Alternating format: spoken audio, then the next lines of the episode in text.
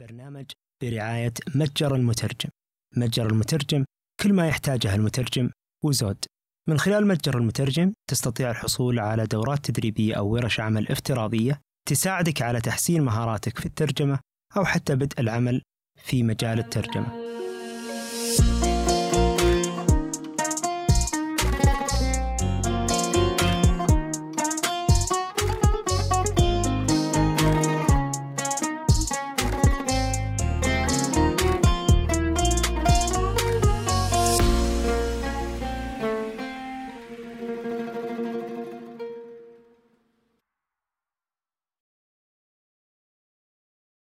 هذا البرنامج برعاية متجر المترجم. متجر المترجم كل ما يحتاجه المترجم وزود.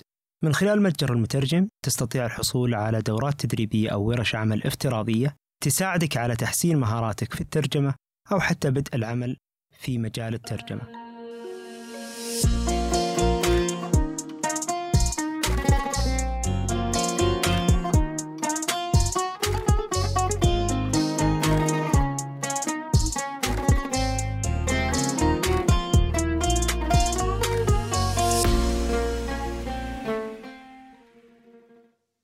السلام عليكم ورحمة الله وبركاته. مساكم الله بالخير. حياكم الله في سلسلة مساحة المترجم الرمضانية. آه، أول شيء أطلب منكم العذر. اليوم شوي مزكم فإن شاء الله كذا مخارج الحروف تكون مضبوطة. طبعا اليوم عندنا موضوع حساس جدا وأعتقد الكثير وده يتكلم عنه. آه، أو الكثير وده أنه آه، يتكلم فيه. نتكلم عن وش موقفك من أسعار سوق الترجمة؟ آه، وش هي العوامل اللي تتحكم بأسعار آه، سوق الترجمة وكثير من هذه الأمور والتفاصيل اللي ودنا يعني آه، بمساهمتكم نسمع يعني رأيكم فيها تجاربكم أو أي شيء ودكم إنكم تقولونه.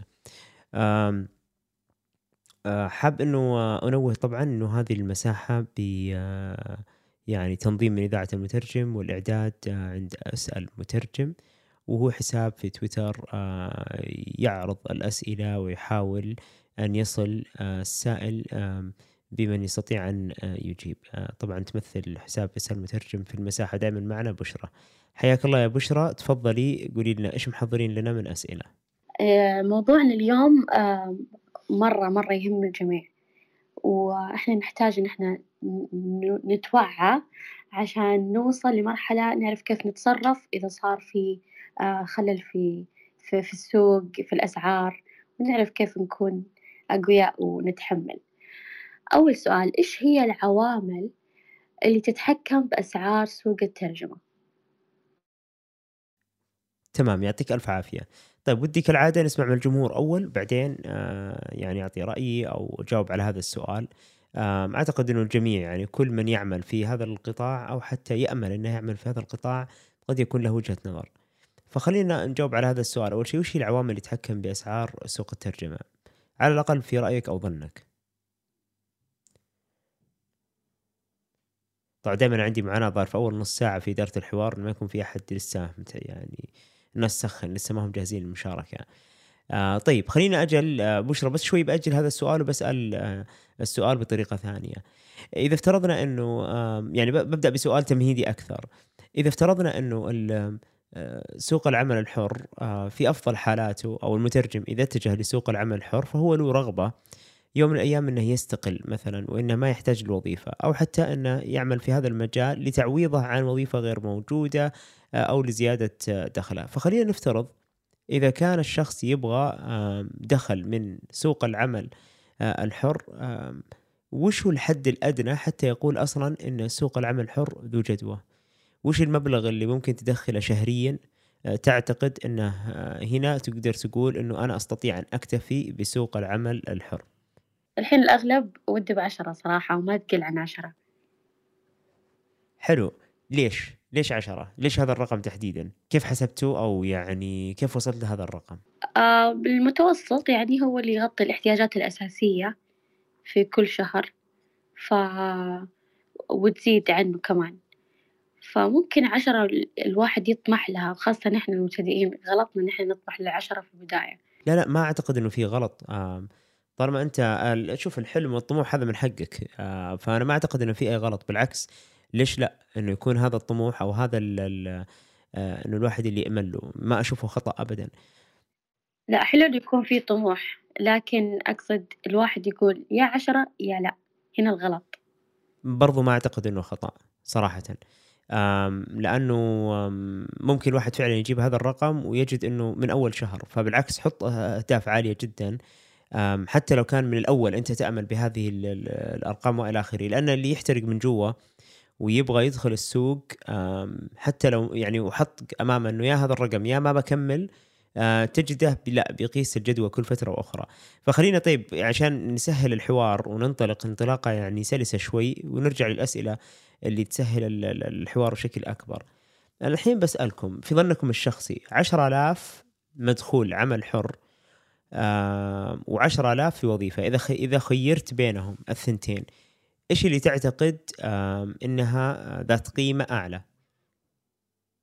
وش اللي يعني إذا قلنا إنه فعلا إذا أنت حصل لك حصل لك وظيفة ب 10000 ولكنك في آه، في نفس الشهر ومستمر مثلا من سنة كاملة خلينا نأخذ هذه الفرضية الاعتباطية إنه الآن أنت تدخل 10000 ريال كل شهر لمدة سنة مستمر ومستقر في هذا ال ال ال ال ال العمل العمل الحر. بعدين عرض عليك وظيفة ب 10000 ريال. مين فيهم أعلى من الثاني كقيمة؟ لاحظ إنه الرقم زي ما هو. بس إيش اللي تعتقد إنه أكثر قيمة؟ فكروا فكروا. يلا صحصحوا معاي. شكله درس رياضيات اليوم. ها؟ طيب نسأل السؤال بطريقة كمان مختلفة شوي. كم في يوم في الشهر؟ ثلاثين. خطأ. يعطيك العافية. مين يبغى يحاول؟ 20 ممتاز. ليش قلت 20 أيمن؟ حياك والله مساء الخير جميعا. أو صباح الخير الساعة 12 في عمان. آه ال 20 يوم عمل. إحنا نحسب الأيام العمل. ممتاز. في آه، في العمل الحر تحديدا أنت ما تحسب الشهر أول حاجة آه، بالشهر كامل ب 30 يوم. الشهر هو كم عدد الأيام المتاحة لك تعمل فيها فهي من ال 20 إلى 22 بعض الأشهر تكون فيها 22 يوم عمل بعض الأحيان يكون بدأ الشهر أصلا مثلا في weekend أو في نهاية أسبوع وانتهى أيضا في نهاية أسبوع فممكن فعليا يكون عدد الأيام 20 فطيب الحين لو جينا أخذنا ال 10000 يعني اعتبروا درس رياضيات بسيط جدا أخذنا 10000 ريال سعودي وقسمناها على 30 يوم اللي هو الوظيفة لأن الوظيفة ما لها علاقة بعدد أيام العمل دامك أنت موظف أنت بتأخذ هذا المبلغ. بيطلع معناته اليومية ب 333 ريال. تمام؟ واضح كذا؟ ماشي معايا؟ تمام؟ سموث طيب إذا قسمنا ال 10000 ريال نفسها على 20 يوم عمل صارت يوميتك 50 ريال آه عفوا 500 ريال معناته كأنك تقول في العمل الحر اليوم ب 500 ريال وفي الوظيفة ترى ب 333 ريال هل كلامي صحيح؟ هل معناته إنه قيمة العمل الحر أعلى؟ وش رأيكم؟ وحاول تعطيني السبب يعني فكر كذا بعمق بعدين أعطيني سبب. طبعا أنا باخذكم نقطة مهمة أنا ليش قاعد أتكلم بالارقام هذه؟ لأنه بعدين لما نتكلم وش العوامل اللي تتحكم بأسعار سوق الترجمة نبغى ندخلها من هذا الجانب. آه تفضل أيمن. آه والله حقيقة سؤالك صعب جدا يعني آه أنا لكوني بدأت عملي مباشرة بالعمل ال- ال- يعني الدائم عمل الحكومي فصعب علي إن أنظر إلى الطرف الآخر اللي هو اللي اشتغل كل حياته اشتغل عمل حر يعني لكن من آه، وجهة نظر رياضية أنت حسبتها الحين آه 500 ريال مقابل 300 ريال. نشوف إن العمل الحر أعلى قيمة لكن العمل هناك عوامل أخرى تتحكم في الأمر. يعني أول شيء الاستقرار. العمل ال- ال- الحكومي انت ضامن انه في نهاية الشهر راح يجيك راتبك آه، متكامل سواء آه، يعني اخذت إجازة مرضية ما اشتغلت في ذاك الأسبوع أو ذاك الشهر لأسباب أخرى. آه، يعني نوعا ما في نوع من الاستقرار آه، على عكس العمل الحر. العمل الحر يحتاج حسابات أخرى. وإحنا تكلمنا عن هذا الأمر إن إذا اشتغلنا في عمل حر لازم تكون عندنا حسابات أخرى مختلفة عن العمل الدائم. يعني تكون عندنا ثقافة مالية كيف ممكن ندير هذه الأموال بشكل بشكل جيد. آه، يعني كل كل كل واحد منهم له إيجابياته وله وله سلبياته. بس أنا مشكلتي ما قادر نعيش يعني وضع الطرف الآخر اللي طول حياتهم يشتغل freelancer بس أنا يعني اللي أشوف ان مدخولي في في ال freelancing وأنا موظف حكومي يعني ممكن ضعفي راتبي في العمل الحكومي ومع إني ما أشتغل كل الأيام فأحس على سبيل المثال خاصة الترجمه الشفوية. يعني الترجمة الشفوية آه، مصدر دخل عالي جدا. يعني ممكن إنك تشتغل في آه، خمس أيام عمل أو عشر أيام عمل وتجيب مبلغ يعادل راتبك الشهري اللي تستلمه من جهتك الحكومية. فإذا كان عندك استمرارية في العمل الحر فأعتقد استمرارية وعندك عملاء قويين وعندك قاعدة عملاء وعقود جيدة فأعتقد إن ماليا وأيضا تكون حر هو من اسمه عمل حر يعني ما مرتبط بجهة معينة لكن مرتبط بعميلك اللي تشتغل معه. فأعتقد إن العمل الحر اجدى لكن يعتمد على قاعدة العملاء العملاء اللي عندك. إذا كانت عندي قاعدة عملاء ضعيفة ما عندي ذيك الشبكة القوية اللي أقدر إني آه، آه، يعني أعتمد عليها فبيكون خيار العمل الحكومي أجدى بالنسبة لي. وفي النهاية كلها أشياء شخصية. مثلا على سبيل المثال البعض يحب إنه يلتزم دوام يعني مثلا يداوم الصباح والظهر مخلص. العمل الحر لا. العمل الحر عادي يجيك عمل خارج وقت الدوام يطلب أرجنت لأن هذا العميل جدا خاص عندك ويطلب منك العمل سلمه نفس اليوم. فكلها يعتمد على الشخص ونفسه وظروف متفاوته فما أعتقد ان أنا أقدر أجاوب على هذا السؤال بشكل كلي يعني. طيب. آه فقط لأنه اليوم محددين خمسة أسئلة في هذا الموضوع. ودي بس بقدر الإمكان نلخص آه إجاباتنا لأني أنا باخذكم في سلسلة تفكير اعتبروها كأنها جلسة آه brainstorming أو تحفيز التفكير. فودنا إنه تكون إجابة قصيرة وسريعة باللي تفكر فيه حتى لو ما كنت مؤمن فيه تماما. أيمن برجع لك الآن. معلش اسمح لي باخذك في فرضية آه، في المدينة الفاضلة. تخيل إنه جالك عقد عمل حر لمدة سنة كاملة آه، راتب 10000 ريال. تمام؟ يعني أنت الآن ضمنت إنه كل شهر بينزل لك ال 10000 ريال ولكنها بنظام العمل الحر. يعني إذا أديت بتاخذ الراتب ما أديت ما بتاخذ الراتب مثلا. آه وأيضا جاك عرض وظيفي ب 10000 ريال. العملية الرياضية اللي سويناها إحنا قلنا إنه إذا أخذنا إن الرقم ثابت 10000 ريال والعمل الحر إحنا ما نحسبه إلا ب 20 يوم آه، في الشهر فهي دخله 500 ولكن الوظيفة ب 30 يوم كاملة قلنا 333 ريال هنا مين تعتقد إنه أكثر جدوى العمل الحر ولا الوظيفة مع زي ما قلنا في الفرضية الآن إنه أنت خلاص أنا بعطيك عقد بنظام الوظيفة لمدة سنة أو عقد بنظام العمل الحر لمدة سنة كلها راتبها 10000 مين أعلى؟ آه، إحنا لما حسبنا ال 20 يوم ترى حتى. حتى العمل الحر مش 20 يوم دوامك يعني أنت مطالب إنك تشتغل عمل حر يوميا لل... للعميل تبعك. ما مطالب. آه، أو كيف؟ آه، وش النظرية اللي أنت تقولها؟ هل تعمل فقط 22 يوم مع 20 يوم. خلينا نأخذ الفرضية زي ما هي. ترى بجيبكم أنا يعني قاعد إيش؟ قاعد أوديكم لزاوية مهمة نفكر فيها لما نجي نحسب الحد الأدنى أو عشان نحدد إيش العوامل اللي تتحكم بسعرك أصلا. آه، العمل الحكومي نفس الشيء 22 يوم مش 30 طيب بشكل سريع. أيمن عقد عمل حر 10000 ريال ولا وظيفة 10000 ريال كلها الثنتين. مين آه اللي تشوفه أكثر آه آه أعلى قيمة؟ إذا كان مؤقتا كله نفس الشيء بالنسبة لي. مؤقتة كلهم مؤقتة مش دائمه ممتاز. الفرق طبعا إنه ال ال ال إنه عندنا العملاء كثير للعمل الحر وطبعا الوظيفة الحكومية أو الوظيفة الاعتيادية بتكون شركة صح؟ آه بالضبط صح هنا في هنا هنا بيكون الفرق في الفائدة المعرفية في العمل الحر بتكون مكسب مكسب معرفي أكبر لأن راح اشتغل أكثر عن العمل الحكومي اللي راح يكون مقيد بعمل روتيني معين في مجال معين فمن ناحية معرفية العمل الحر أفضل بيكون طيب لو طلعنا من الحكومة وقلنا شركة نفس الشيء؟ آه الشركة ربما يختلف الأمر، إذا كانت شركة مثلا علاقات عامة وإعلام راح تكون حالها مثل حال شركة ترجمه يعني. فبتكون نفس الشيء. بالنسبة لي يعني ما أعرف وين ناوي تودينا يعني. أبغى أسمع من أركان بشكل سريع جدا لأني بنتقل للسؤال اللي بعده وبعطيك فرصة أكبر إن شاء الله فيها. آه، السلام عليكم أستاذ سعيد. آسف يعني دخلت متأخر لكن إحنا نظام مختلف عندنا بالعراق يعني إحنا ماكو وظيفة حكومية مترجم عندنا شركات منظمات تعمل معها عقد كمترجم وفي عمل حر آه، صراحة العمل الحر غير مجدي صراحة يعني بالعراق يعني صار سعر صفحة الترجمة أو تطلع بترجمة فورية ثمن بخس. فمثلا شخصيا أعمل مع يعني شركة بريطانية مختصة بمجال ازاله الألغام. شركة خطرة لكن راتب غير مجدي لكن على الأقل أعرف يعني كم يجيني بالشهر. فيعني أعتقد أنه العقد الثابت أي أفضل من عقدك عقدك على. الشركة نفسها ولا يعني أنت كموظف فيها ولا على مكتب آه، ترجمة يوفر الخدمة لل لا لا مباشر عقدي معه مباشر. شركة بريطانية بوزاره الإلغام. ممتاز. هنا نعتبرها كانها نعم. كأنها وظيفة. هنا يعني نعملها كعقد وظيفة. طيب أسمع من ترجمان وأقول لكم أنا إيش اللي أبغى أفكر فيه. آه والسؤال هذا حقيقة أنا أشوف إنه يعني حيكون كل شخص تسأله ربما يعطيك إجابة تنبني على ال- على شخصيته هو وعلى نظرته الشخصية.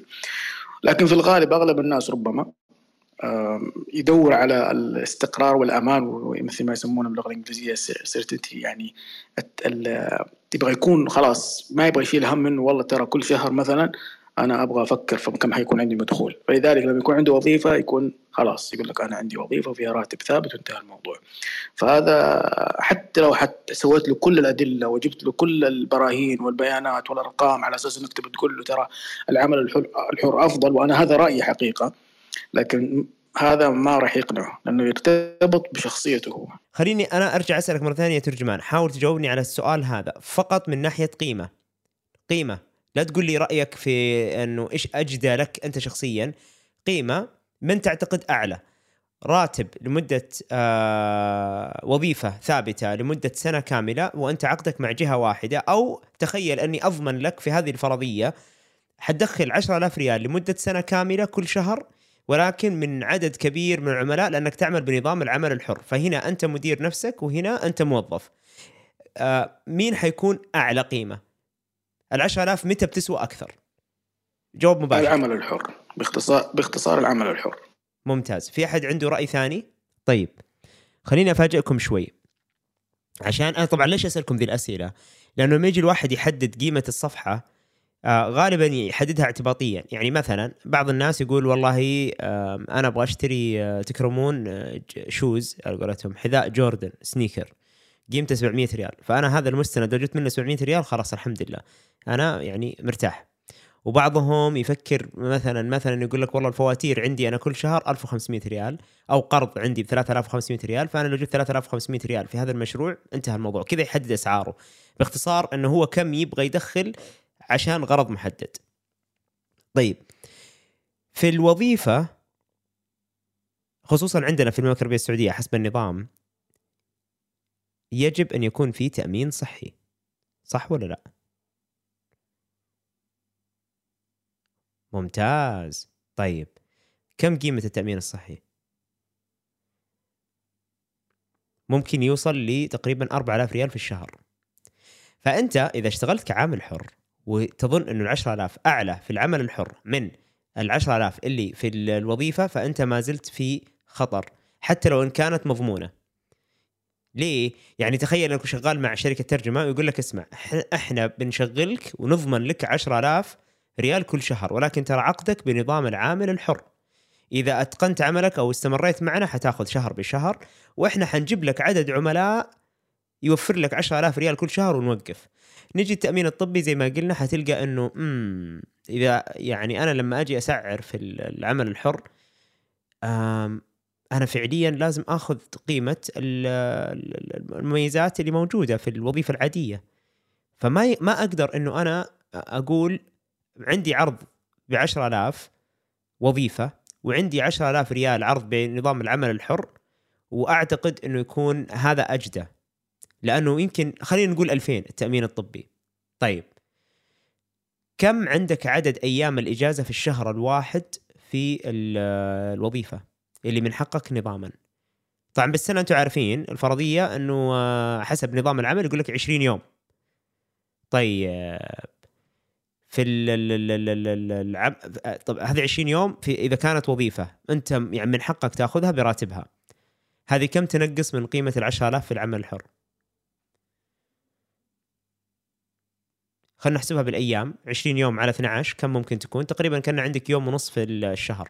أو كل شهرين ثلاث أيام تقريبا أو حتى أقل. لأنه عندك في ال... إلا يوم ونص لأنه إذا قلنا الشهرين يعني نضرب في 6 3 في 6 18 يعني تقريبا يوم ونص أو 1.7 ف أنت تاخذ ال 10000 في الوظيفة في تأمين صحي فلنفترض ان قيمته 2000 ريال شهريا بالإضافة إلى أنك أنت في عندك يوم و آه، ونصف تقريبا هذه مدفوعة القيمة محسوبة ضمن حقك آه، في الإجازات صح ولا لا؟ معناته ال- ال- ال- المبلغ في العمل الحر لازم ما تساويه ولا تفكر زي لما تفكر في الوظيفة. في جانب آخر نفسي أنا أفكر فيه دائما وأعتقد إنه هو مهم جدا إنك تفكر فيه في التسعير. طبعا أنا كلها قاعد أجاوب الآن على إيش هي العوامل اللي تتحكم بسعرك أنت كيف تحدد سوق سعرك في الترجمة وبعدين نتكلم عن السوق من وجهة نظر السوق في عامل آخر العملاء في نظام العمل الحر وليش العملاء أصلا بعض الأحيان يفضلون يروحون لنظام العمل الحر؟ آم، واحد من الأسباب قد يكون إنه والله المترجم هذا مرتبط بوظيفة رسمية ولكنه متميز جدا فإحنا نبغى نكسبه بأي طريقة ما فنأخذه لمشروع قصير ونحاسبه ونكسب الجودة اللي عنده وإلى آخره وانتهى الموضوع انتهت العلاقة التعاقدية. آه ولكن في منظور ثاني تفكر فيه. العميل كم مرة في حياته بيحتاج ترجمة؟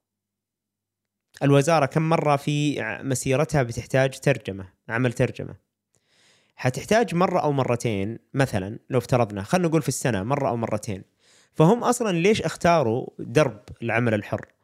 في أغلب الأحيان هم اختاروا هذا الدرب لأنهم ما يبغوا يوظفوا شخص بوظيفة آه، دوام كامل أو راتب آه، كامل ويفضل إنهم يدفعوا لهذه المرة عشان خلال السنة يطلع عندهم المبلغ اللي دفعوه في الترجمة أقل بكثير من إنهم يوظفوا موظف واحد. لأنه إذا وظفوا موظف واحد عندهم التأمينات الاجتماعية لازم يدفعوها اللي هو التقاعد آه للشركات.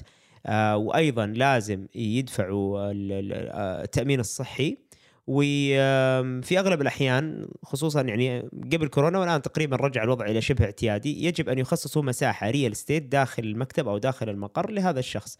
وإذا وفروا له المكتب هم يحتاجوا يوفروا له كمبيوتر والى آخره كل احتياجاته بحيث إنها تكون بيئة عمله مناسبة.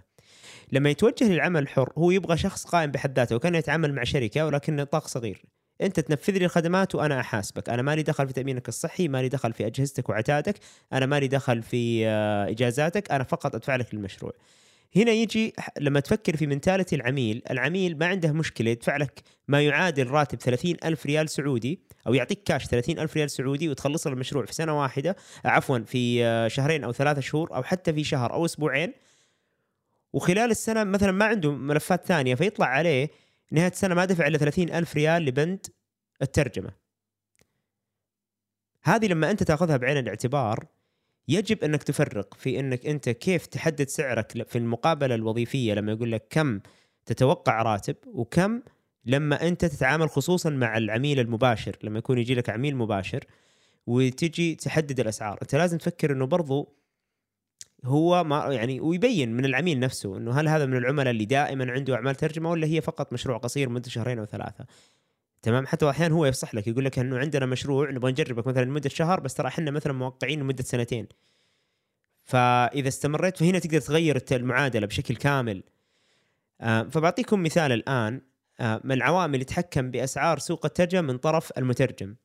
آه، تواصلت معي مترجمة آه، كانت حديثة التخرج بس بسم الله ما شاء الله عليها. هذه الآدمية آه، متخصصة في اللغة العربية بشكل ما تتخيلوه. في وقت فراغها تعرب القرآن. تمسك صورة وتقعد تعرب.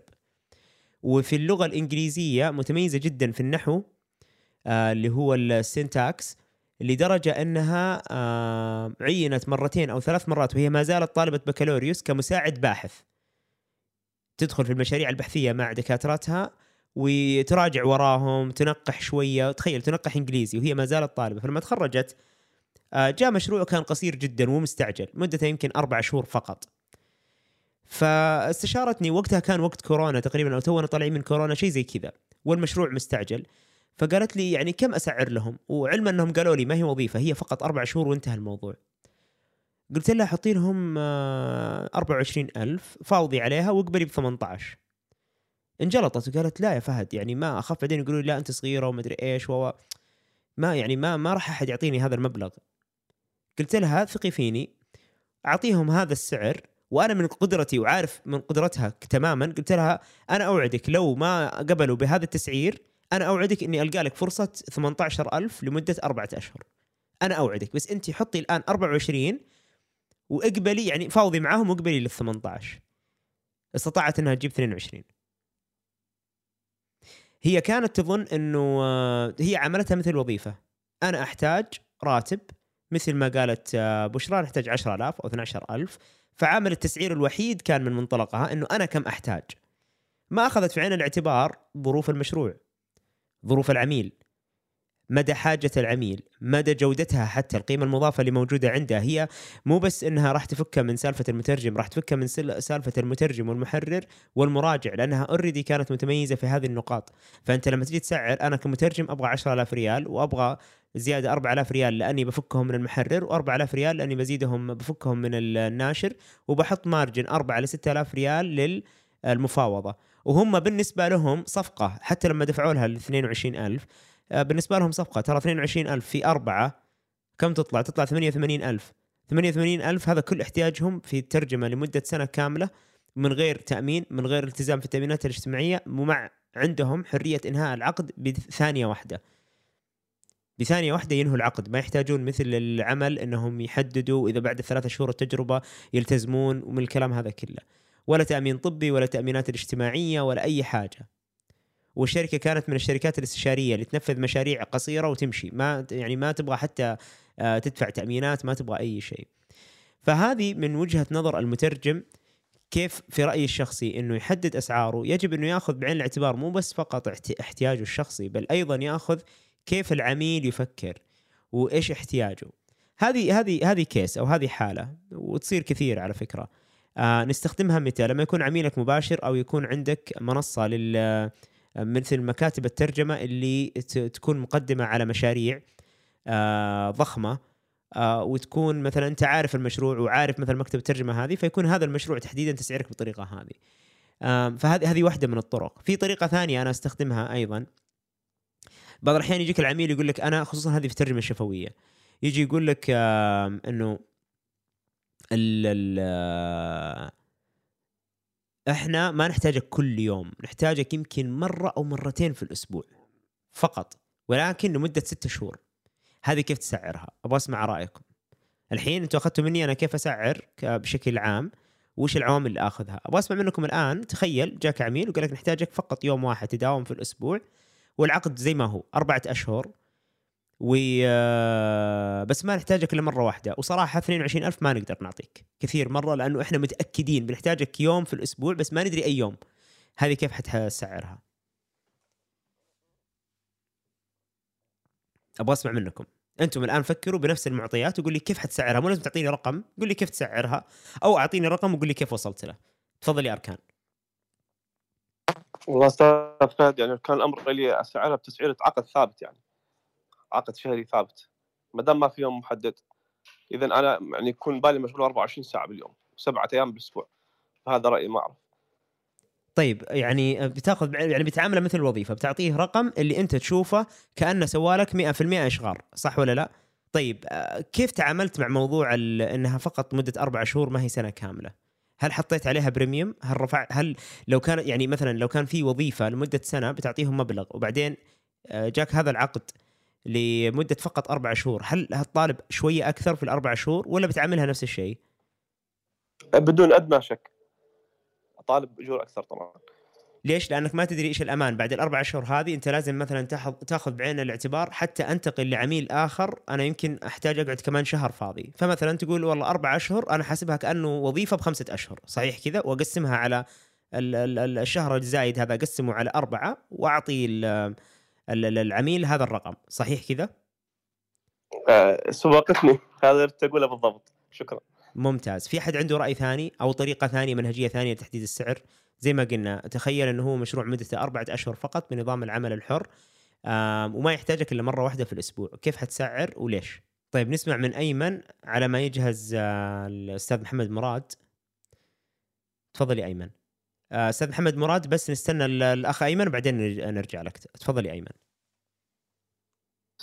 هو إذا كان عمل حر وأنا عندي وظيفتي ما راح أقيم على أنه شهر كامل. راح أقيم على الأيام اللي أكون موجود فيها وأضيف لها آه، اللي هو عنصر إنه آه، الارتباط برتبط معه لمدة أربع أشهر. فبشوف الس- السعر أعلى السعر في الترجمة الفورية اليومية في البلد وأضربها في عدد الأيام اللي يحتاج فيها وأضيف لها. نسبة معينة كانها نسبة مخاطر اني أنا راح التزم معاك لأربعة أشهر في الأيام اللي تريدني فيها. بهذه الطريقة. ممتاز. آه محمد مراد؟ okay السلام عليكم. آه طيب أنا أنت بتكلمني كمترجم محترف أو كمكتب ترجمة؟ إذا كان مترجم محترف ممكن لها سعر وإذا كان مكتب ترجمة لها سعر ثاني. طيب إذا كان مكتب ترجمة آه، فمكتب ترجمة لابد من عقد. okay؟ وبعدين أول اولا وأخيرا مثلا يعتمد على المدينة اللي أنا فيها مثلا الطائف يختلف عن الرياض عن نيوم عن الشرقية. ثاني حاجة طبيعة الترجمة. آه، هل هي طبية اقتصادية علمية تربوية؟ هذه برضه لها يعني جانب جوانب شو اسمه ال- ال- العقد. طيب آه، هل اللي هو حتكون ترجمة شبهية أم ترجمة تحريرية؟ طيب آه، هل تحتاج إنه ترجمة فقط ولا تدقيق وتحرير و و و؟ فهذه يعني عوامل كثيرة يعني تأثر في التسعيره عارف؟ أنا الصراحه من البداية يعني سمعت أشياء حلوة. آه، لكن ال- ال- المترجم اللي شغال في مكتب ترجمة وأنا كمالك في مكتب ترجمة آه، غالبية الاحيان ما حتجيني عقود خاصة أنا في مدينتي مدينة الطائف. ما فيها مثلا شركات ما فيها قنصليات ما فيها سفارات. فالعمل يقتصر على اللي هو الأفراد مثلا ترجمة وثائق ترجمة ملخصات ترجمة آه، مستندات وكذا. لكن آه، أرجع وأقول إنه لازم يكون في عقد. okay. okay. آه، عدد الأيام عدد. طيب لما تقول لما تقول لازم في عقد خلينا ناخذ السؤال يعني لأنه أغلب الحضور هنا مترجمين فحلو نسمع وجهة نظر مكتب الترجمة. لما ناخذ وضعك مثلا في الطائف إنه ما في شركات كثيرة فهل أنت تفضل إنك تتعاقد مع واحد موظف بدوام كامل عندك في المكتب ولا حسب الحاجة آه، إذا جاك والله بدأ يثق يثقل الشغل عندك آه تقوم إيش؟ آه يعني توظف أحد لفترة قصيرة ولين ما ينتهي هذا المشروع ثم ترجع مثلا إنك تترجم بنفسك أو مثلا الموظف الوحيد اللي عندك. طيب أنا جر- جربت الاثنين. أنا جبت موظف عندي دايم طيب واتدرب عندي الحمد لله ويعني لما لقى وظيفة رسمية خرج من عندي. الآن ما شاء الله موظف يعني مو موظف رئيس مترجمين أظن في الهيئه الملكية في الرياض في العاصمة المقد- في الرياض. فهذه تجربة ناجحة بالنسبة لي. التجربة الثانية جبت واحد يعني غير سعودي وكذا ووظفته بمراتب قدره 5000 ريال وإيجار وكذا. الصراحه ما ما السنة الأولى يا دوب المصاريف غطت السنة الثانية دفعت من جيبي. السنة الثالثة قررت أقفل المكتب وأشتغل online. it's not one man job okay الترجمة it's not one man job فأنا إذا جاني مشاريع ولا حاجة عندي يعني الصراحه مع يعني مترجمين محترفين freelancers من آه، السعودية من هنا ومن خارج السعودية أتعامل معاهم. لكن في الأول والنهاية أنا لازم أراجع الترجمة بعد اللي هو الترجمة. فنرجع أيوه نرجع نقول والله المدينة اللي أنت فيها إيش المشروع العقد الشركة هذه كلها تأثر في ال في ال في ال مثلا جاني المستشفى العسكري قال لي والله ترجمة هذه. فأنا أعطيته مثلا مبلغ 5 7000 ريال في على على ترجمة معينة. جاتني مؤسسة في الطائف قال والله أبغاك تسوي لي المناقصة هذه. فالسعر ما حيكون نفسه يعني مؤسسة يعني إمكانياتهم المادية شوية بسيطة. مثلا إذا تأخذ للمستشفى العسكري تقول 100 ريال للصفحة حترجع للمؤسسة هذه تقول لهم 50 ولسه ممكن في إمكانية وتفاوض على تخفيض السعر. فيعتمد برضه أيوه على المؤسسة اللي أو الشركة أو الجهة اللي طالبة للترجمة. ممتاز. يعني في عامل مهم جدا على الأقل من وجهة آه، مقدمي خدمة الترجمة اللي هم ال- شركات الوساطة. أنا أسميها شركات الوساطة لأنه في بعضهم ما يكون أصلا مكتب ترجمة بس يدخل على خط الترجمة كجزء من المشروع ومثل مثلا في الترجمة الشفوية تكثر اللي هي شركات تنظيم المشا... تنظيم ال- ال- ال- المؤتمرات والفعاليات.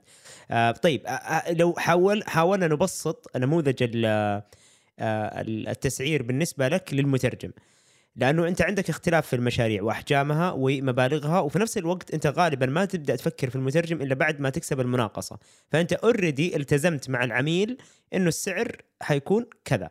فهل صحيح إنه أنت لما تجي الآن آه، تفاوض المترجم آه، تجدك آه، أهم شيء عندك إنه في مارجن محدد ما تبغى تطلع عنه. هل هذا الكلام صحيح ولا لا؟ هو شوف أول حاجة أنا حبحث لجودة المترجم. هذه سمعة للمكتب عارف؟ جودة المترجم أو ال- ال- المترجم الجيد وذو الخبرة يطلب سعر أعلى. غير إنه مثلا واحد مبتدئ أو جديد أو إنه خبرته قليلة عارف؟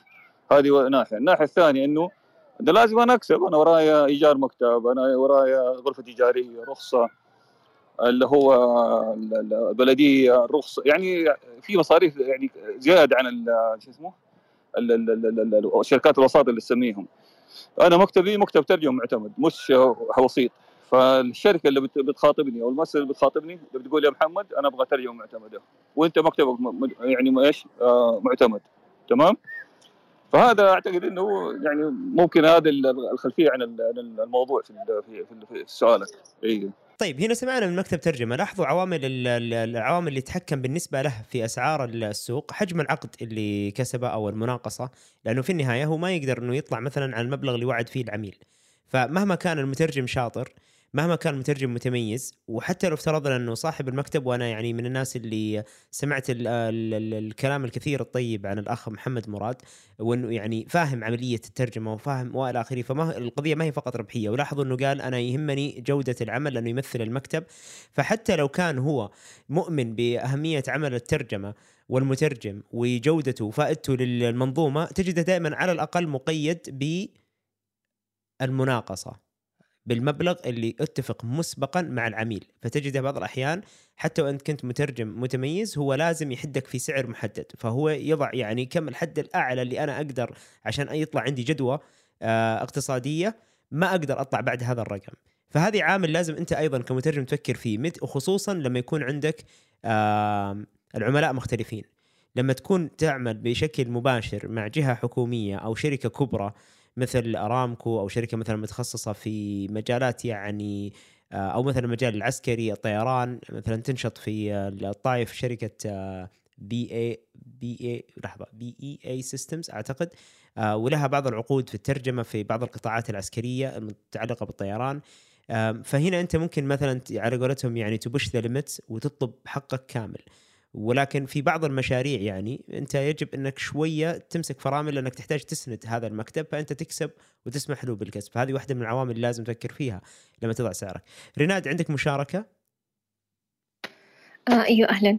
آه أنا بس حبيت أسأل يعني شيء واحد اللي فكرت فيه في التسعير إنه إذا كان العقد يوم واحد في الأسبوع آه شخصيا ممكن أضيف إن حسبة يوم إضافي آه تحسبا يعني عشان أكون يعني جاهزة لهذا العمل يعني ألتزم به.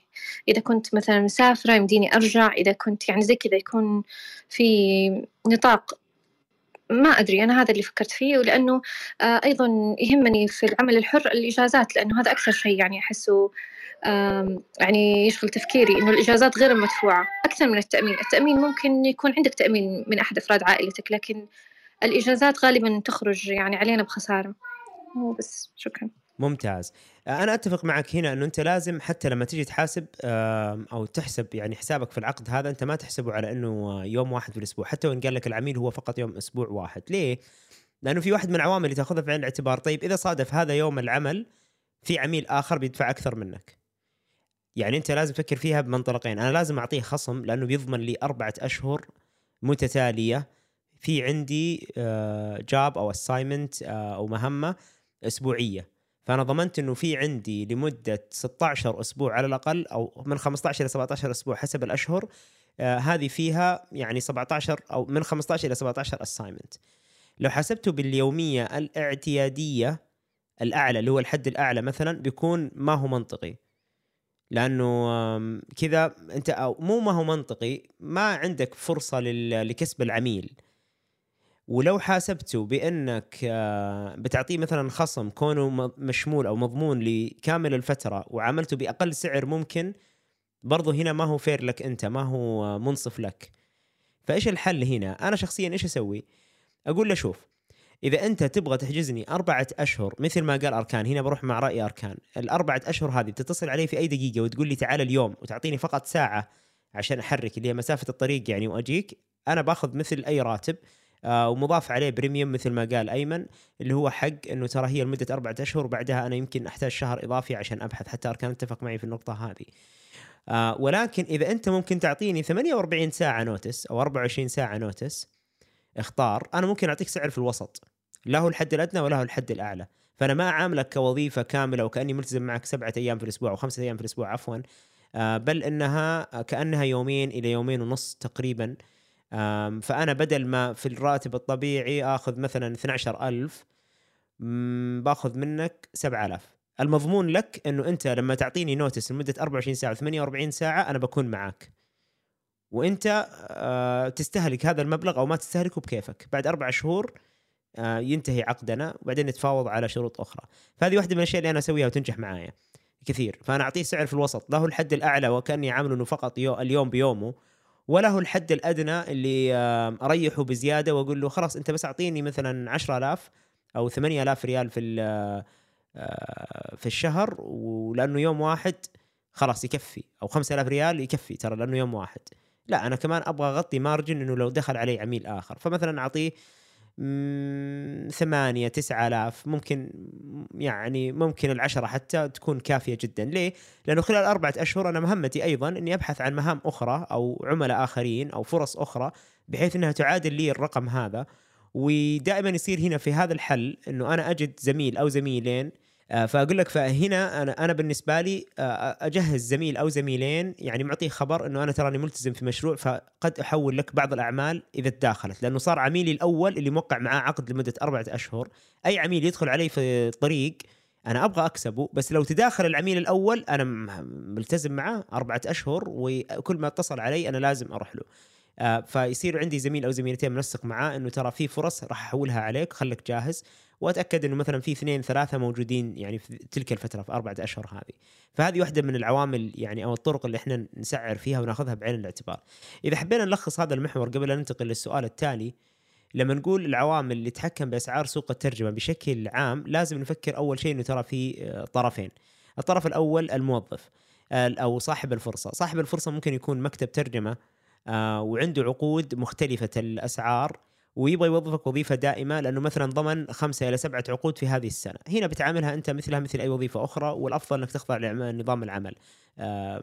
وخصوصا في المدن الكبرى مثل الرياض وغيرها خلاص وغالب بعض المكاتب اللي تكون كبيرة من بالحجم هذا إنه عندها مضمون مدة سنتين ثلاثة مشاريع غير متوقفة تبدأ توظف مثلا بالحد الأدنى موظف موظفين ولما يحتاج زيادة يبدأ يأخذ آه، بالعمل الحر حسب ال- الحاجة وحسب ال- ال- الأيام. فهذا أنت لازم تاخذه بعين الاعتبار. طيب لما يجيني مشروع آه، قصير آه، ولكنه يوميا عمل أنا ما أرجع أسعره مثل الوظيفة لأنه أنا مسؤول عن إجازاتي مثل ما قالت ريناد وهذه مهمة جدا. وأنا أقول لكم أيضا ال- التأمين الصحي والمنافع الأخرى يجب أنك تاخذها بعين الاعتبار. فما برضو ما ترجع تعطيه فقط سعر ال- الشركة الاعتيادية أو الهيئة أو الوزارة وإلى آخره. ترفع عليه شوي لأنه ما في ما في ذاك الأمان هي كلها أربعة أشهر لأنه فترة قصيرة ما هي سنة. آه هذا جانب وطبعا أنت كمترجم تأخذ كل هذه العوامل بعدين تشوف حجم إضافة المشروع لك يعني مثلا آه، مثل ما ذكر ال- ال- الأستاذ محمد آه، ممكن هو كصاحب مكتب ترجمة اضطر إنه يخضع لأسعار السوق لأنه هو يبغى يكسب الفرصة فهو لازم ينزل وينزل ونزل لمبلغ يعني خلينا نقول ما هو ما يعطيه فرصة كبيرة إنه يعطي المترجم مبلغ كبير صح؟ بس انت كمترجم تشوف انه هذه الفرصة أنا والله حديث تخرج وراح اتوظف والله ضامن ستة أشهر في مستشفى أو قطاع عسكري ودوامي يوميا. بس ما راح يعطوني مثلا مبلغ 10000 ريال ما راح يعطوا أكثر ما ما يقدروا مثلا. بس لأني حديث تخرج راح أكتسب خبرة في التعامل مع الناس راح أكسب آه آه كيف نقول؟ راح أكسب فرصة في ال- ال- ال- التخصص إنه يعتبر مترجم متخصص في هذا المجال لأنك متى ما جلست أربع إلى ستة أشهر ترجم في نفس المجال. لمدة آه يوميا. آه أنت الآن خلاص أخذت تخصص. أخذت تخصص. يعني أنا مثلا لو كنت ماسك مثلا موضوع آه، اعتماد المترجمين أو الرخص أو التصنيفات مجرد أي أحد يعطيني خبرة لمدة أربع لستة أشهر في قطاع محدد وطبعا مثبت إنها ترجمة العمل مش فقط مسمى ترجمة هنا ممكن على طول أرخصه مترجم معتمد في هذا المجال. ف... فأنت مثلا تأ- تأخذ هذا المنظور منظور إنه والله أنا بستفيد كثير فليش ما أنزل وأتعاون مع هذا المكتب؟ والمكتب نفس الشيء في غالب الأحيان المكتب أو مدير ال- ال- ال- المشاريع الترجمة إذا كان عامل حر راح يقدر لك إنه والله هذه المرة قبلت إنك أنت تتساعد معايا وتعطيني المبلغ آه، أو تسمح لي بالحد الأقصى اللي يعني أنا محدود فيه فالمرة الجاية لما تجيني فرص أكبر طبعا بعد التجربة وبعد ما عرفنا بعض وآلى آخره واشتغلنا لمدة أربع شهور كانت ناجحة آه، راح أعطيك أولوية وممكن حتى صاحب المكتب يبدأ يبادر يقول لك هذا المشروع اللهم لك الحمد والله المارجن فيه شوي أعلى فوش رأيك بهذا المبلغ ويرفع لك؟ فهذه واحدة من الأمور اللي تأخذها في عين الاعتبار لما آه، تسعر. آه، إذا أحد عنده رأي أو حاب يعلق على هذه الأمور يا ليت يعني آه، يتفضل أو ننتقل مع بشرى للسؤال التالي. ممكن إضافة بس شوف بالنسبة للشركات الكبيرة يعني زي را- ارامكو BAE Systems ولا حاجة هم عندهم يعني مكاتب معتمدة. يعني هو ما بيغامر إنه والله يروح لمكتب مو معروف فهم عادة يكون عندهم مكاتب آه، معتمدة عندهم خلاص أي عمل عندهم على طول. ما يطالع يمين ويسار عندهم مكتب مثلا كذا كذا. فالمكاتب المشهورة هذه هي اللي بتستفيد من عملية المناقصات الكبيرة مع الشركات الكبيرة. بس هذه هي الإضافة اللي عندي. يعطيك العافية. ممتاز ممتاز. آه بس صدق أو لا تصدق أخ محمد مراد إنه ترى مثل حتى أرامكو بحجم أرامكو ترى بعض الأحيان تستعين بمترجم حر بالكامل. آه أنا مسجل آه كفريلانسر في أرامكو وعملت معاهم في مشروعين. واحد منهم كمدير مشاريع ووفرت لهم المترجمين. واحد منهم آه ما كنت أنا مدير المشروع كنت مجرد مترجم وهي كانت يعني دخولي مع أرامكو. فترى حتى أرامكو بحجمها بعض الأحيان تستعين يعني لها أكثر من نموذج. على الأقل في الترجمة ال- الفورية أو الشفوية. فعندهم التعامل مع مكاتب الترجمة الدائم وبعض الفعاليات تكون حساسة جدا يفضل إن هم يختاروا المترجمين آه ويا يطلبوهم بالاسم من خلال مكتب الترجمة اللي متعاقدين معاه أو إنهم بنفسهم يعني يتواصلوا مع مترجمين محددين. فأنا أتفق معاك إنه مو دائما مكاتب الترجمة ما هي سواسية. في بعضهم يعني ما شاء الله تكون عندهم ال- الخبرة والباع الطويل أو العلاقات ويكسبوا عقود طويلة مع شركات كبرى. وفي مكاتب متوسطة الحجم اللي يعني تحاول بقدر الإمكان إنها دي تو دي الترجمة اللي يسمونها الوك ان زائد إنها تحاول تاخذ لها عقد عقدين. وتلقى في كل سنة يا دوب عندهم عقد أو عقدين. في كل الأحوال أنا اللي يعني اللي أدعو لها اليوم كمترجم إنه أنت لا تبخس حقك كثير آه، في التسعير ولا تعامل الأعمال الحرة المؤقتة مثل الوظيفة وتقبل بالمبلغ اللي هو يعني فقط مثل مثل الوظيفة آه، وفي نفس الوقت آه، برضو في جانب آخر إنه مدى استفادتك ال- القيمة المضافة أو كيف تعظيم الفائدة إنه مكتب ترجمة والله سمعته ممتازة ويدفع أول بأول ومحترم ويريح المترجم ويساند المترجم يقف معه بل يتعلم معه في آه في المجال. هذا له بطريقة مختلفة لأني أنا أبغى أكسب التعامل معه. فهذه فقط يعني اللي كان يدور في بالي. أتمنى إني قدرت أجاوب على السؤال يا بشرى سؤالنا اللي هو كان إيش العوامل اللي تتحكم بأسعار سوق ال- الترجمة؟ آه إجابات وافية صراحة واستمتعت وأنا وأنا أسمع وصدق تعلمت كثير. يعني في البداية كانت إجاباتي غلط لما أنت سألت لكن الحين عرفت ليش إجاباتي كانت غلط. آه السؤال اللي بعده آه كيف أحمي نفسي من تقلبات السوق؟ بمعنى إذا تغيرت الأسعار كيف أتعامل معاها؟ هل أدخل حرب الأسعار وأحرقهم حرق ممتاز السؤال. أبغى أسمع مجددا دائما أحب إني أسمع منكم كلكم بعدين أعطي رأيي لأني تعرفوني إذا تكلمت ما تسكت فمين حاب إنه يعطينا رأيه في الموضوع هذا؟ آه ريناد تفضل تفضل أخ محمد. بعدين ريناد إذا ودك تتكلمي بعد الأخ محمد.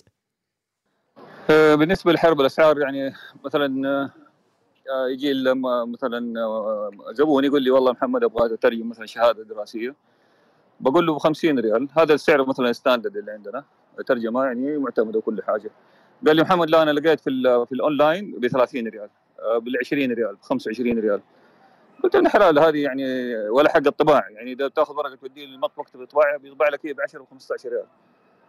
لا بيقول لي والله في في الأونلاين مكاتب بتسوي الحاجات هذه بترسل لك هي PDF هذه واحدة. الحاجة الثانية مثلا أنت بتعطي مثلا اللي ملخص دراسة أو بحث آه، مبلغ 1000 ريال.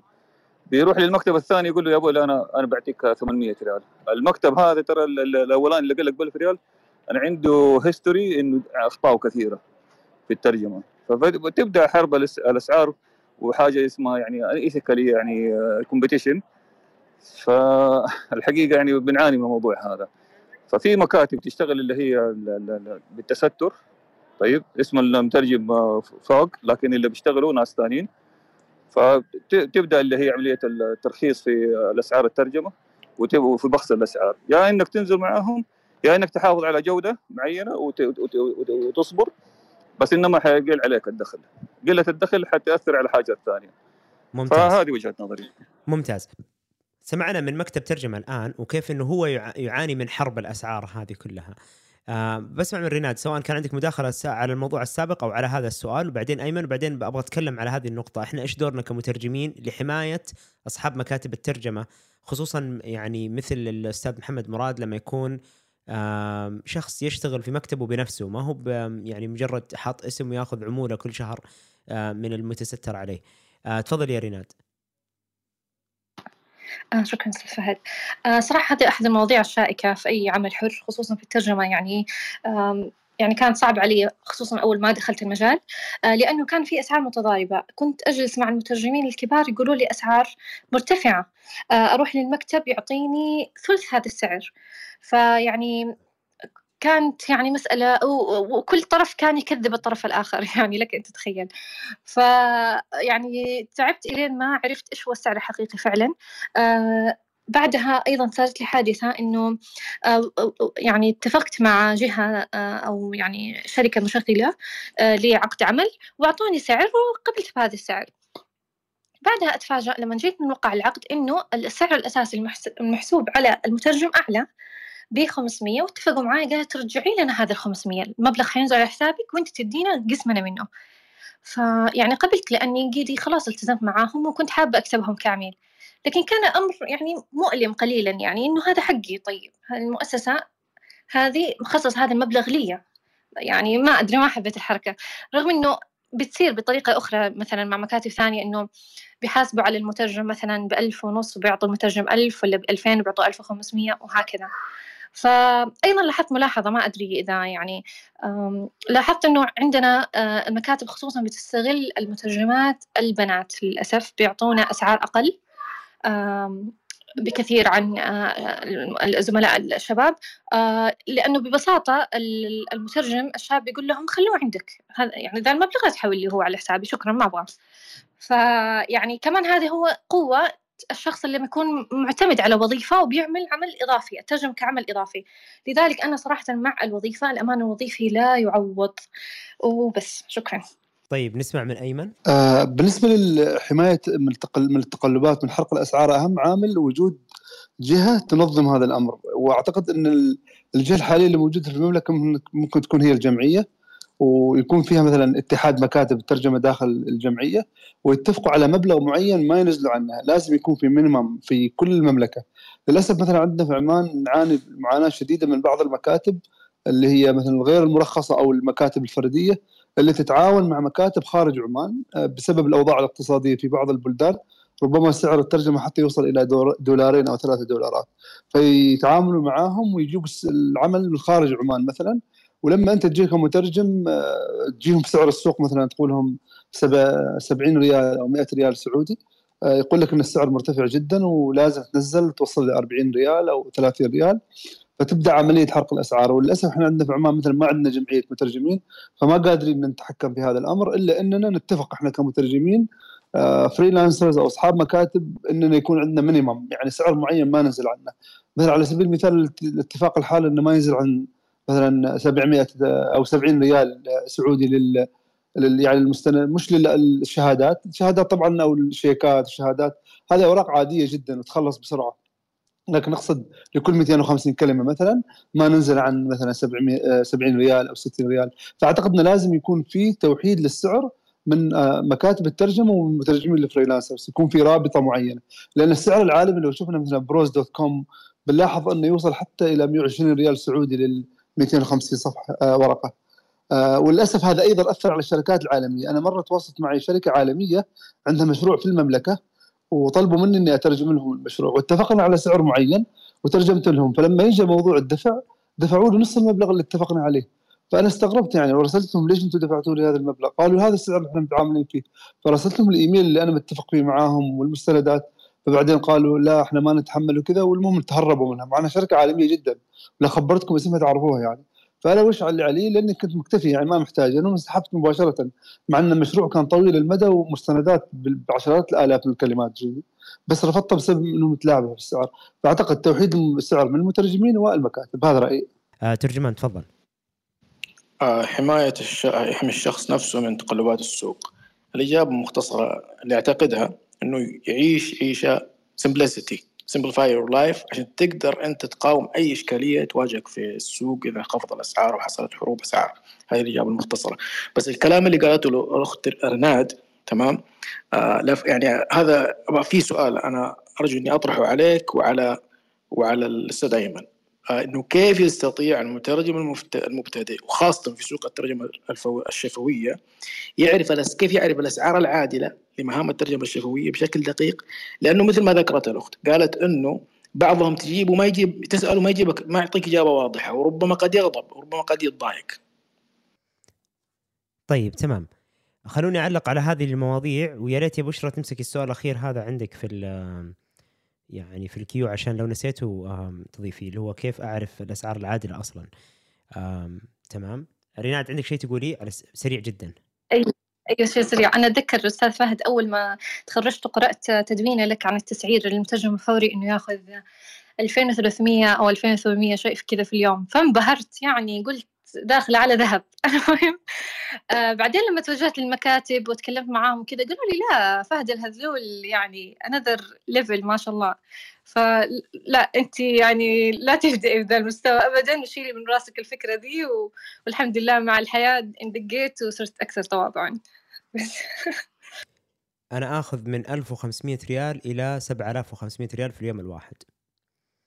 ولكن يعتمد على العميل يعتمد على طريقة التعامل معه وإلى آخره. ف آه، الله يبارك لك. أنا والله يعني ذكرت الموضوع فقط إنه أحد ال... يعني الأشياء اللي أنا كنت أبحث عنها بس لاعرف ال- الأسعار. بالعكس بالعكس أنا أقول لك إنه اللي تقوليه صحيح. وأنا أقول لك إنه برضو أوضح فاكت مهم جدا إنه لما أنا أقول مثلا مبلغ 2000 2500 3000 آم، هو فعلا هذه مبالغ موجودة في السوق وأنا برضو هذا لا يعني إني ما أقبل إلا بهذا المبلغ.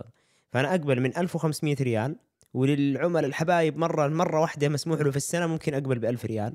وعندي تجربة مع جامعة الملك سعود يعني بقول لكم عليها. وأخذت أقل بكثير من هذا المبلغ. ف بتكلم عنها بس أبغى أرجع شوية شوية أخذ الردود اللي قبل شوية. بالنسبة لريناد بس أبغى أعلق على نقطة لما قلتي آه إنه حصل معايا موقف إنه الشركة بعد ما نزل مبلغ في حسابي قالوا معلش ترجعي 500 آه ترى هذا يحصل كثير آه خصوصا آه في بعض الجهات آه ومنها مثلا وزارة ال- الخارجية الأمريكية. يكون عندها عقد داخل السعودية وتستعين بوسيط عشان يدبر لهم المترجمين. آه بعدين آم، يعني يقولون لا إحنا بننزل المبلغ عشان الضرائب وعشان حساباتهم ما نبغى نودعه للشركه بنودعه للأفراد. هنا أرجع أقول لك رناد أنا عارف إنه الأمر ما كان مريح شوي ولكن أنت اتفقتي مع اللي تواصل معك كم. هذا جزء من العمولة. يعني أنا كمترجم وتفكر فيها كمان منطلق آخر. أنا كزميلك المترجم جبت لك فرصة. طيب أنا أبغى شوية منها 10% 20% وهذا بالعكس أنت لما تكون التعامل وأنا أنا من الناس اللي يعني في عندي مشاريع أديرها بالطريقة هذه. يعني لما أعرض على الفرصة على المترجم أقول له مثلا السعر ترى 1500 في اليوم. تمام تمام اتفقنا. خلاص اتفقنا. ملتزم معي وإلى آخره. دقيقة يا رناد أعطيني فرصة. أرجع إيش أقول له؟ طيب بس ترى العميل حيتعاقد معك بشكل مباشر وحيعطيك 2000 ريال ترجع لي ال 500 لأنه إحنا اتفقنا على 1500 ما عندك مشكلة ما عندك مشكلة. تمام؟ خصوصا يعني بعض ال- ال- المترجمين والمترجمات اللي عارفين السوق كويس خلاص هذه أمور بالنسبة لهم بديهية يعني ما يبغى لها ما يبغى لها كلام. فأنا بس حاب إني أنورك في الجانب هذا إنها تحصل كثير خصوصا لما يكون مثلا آه، شخص متعاقد مع هذه الجهة ويعمل معهم بشكل مستمر وجت هذه الفرصة اللي هو ما هو متوفر فيها. فهو يبغى يفيد آه، شخص آخر بس أيضا يبغى يستفيد. فهذه تحصل آه، كثير. معليش أوضح نقطة. أستاذ فهد آه أنا يعني ما أمانع بالعكس لو كان اتفاق كذا عادي آه خصوصا لو كان زميل زي ما ذكرت حضرتك لكن المشكلة إنه كان هم أصلا يعني محاسبين ضمن العقد يعني. حتى ولو هو كم اتفق معك يعني أنا أرجع وأقول لك إنه دائما أيوة أنا أخذت الاتفاق صح بس إنه يعني كان هم مح... ضمن العقد لهم مخصص هم الخاص يعني كمكتب مشغل. الله يبارك لهم. أنت رضيت على المبلغ يعني تذكر إنه شريعة التعاقد. انت اتفقت معاهم بالمبلغ الفلاني نزل في حسابك أكثر هذه فلوس ما لك. إن والله يعني أنا شخصيا ممكن أتصل عليهم وأقول لهم ترى إحنا اتفقنا 1005 نزل لي 2000 مو قد هذا اللي راح أسويه في كل مرة. إذا قالوا والله معلش ال 500 ترجع لنا إذا قالوا لازم ترجع ال 500 بتخذوها لأني أنا اتفقت معكم على 1005 حتى لو داخل لهم 100000 في آه، مباشرة لشركتهم وأنا نزل لي 2000 بس اتفقنا 1005 آه، انتهى. أنا اتفقت معهم كذا. المرة الجاية أرفع سعرك عشان تضمن ال 500 هذه. آه، فخليني أكمل تكفين. آه، أيمن أنا صراحة آه، ودي أعلق على موضوع التنظيم وأنه يجب أن يكون في رابطة ولازم لازم يكون في سعر أدنى وأنه يعني ونضمن حق بعض. للأسف و ما هو للأسف كثير. في المملكة العربية السعودية أي اتفاق في تحديد الأسعار هو يدخل في مخالفة صريحة لنظام المنافسة وقد تكلفك يعني آه، إلى مليون أو أكثر. لذلك أنا أستغل المساحات مثل هذه إنه أنا ما أقول لك كم السعر اللي أنت لازم تمشي عليه أنا أقول لك إيش الأشياء اللي تأخذها بعين الاعتبار عشان تسعر. لأنه أصلا طبيعة العمل يجب أن يكون في منافسة. بس متى المفروض توقف المنافسة؟ وهنا نرجع لنقطة الأخ محمد مراد إنه لما يوصل حرق أسعار لدرجة تصير غير ذات جدوى أصلا آه، اقتصادية. وتحصل كثيرا لما يكون في عملية تستر واسعة. فيصير مثلا التسعيره مبنية على على الأسس المعيشة خارج المملكة. فأنت لما تجي كشخص تفكر والله معلش أنا بأكل نفسي وبأكل عيالي وجهدي وأنا درست وأنا وأنا وأنا وإلى آخره وتدخل في حرب أسعار بتصير يعني أنت قاعد تموت لا أكثر ولا أقل ولا أنت مستفيد وتحرق نفسك يعني احتراق لا يعني ما له أي قيمة. فإحنا الأفضل بدل ما إحنا نوحد السعر ونتجه لأنه نوحد السعر إحنا لازم نوضح للمترجم إنه لما يسعر لازم ياخذ بعين الاعتبار آه، طبيعة السوق آه، كم الأسعار الموجودة ظروف الوظيفة نفسها أو الفرصة نفسها آه، وأيضا أنه كيف يحسب الحد الأدنى اللي له. لأنه إذا اتفقنا كلنا نعيش في المملكة مثلا الحد الأدنى للجميع بيكون واصل فيه يعني بيكون تقريبا متفق عليه.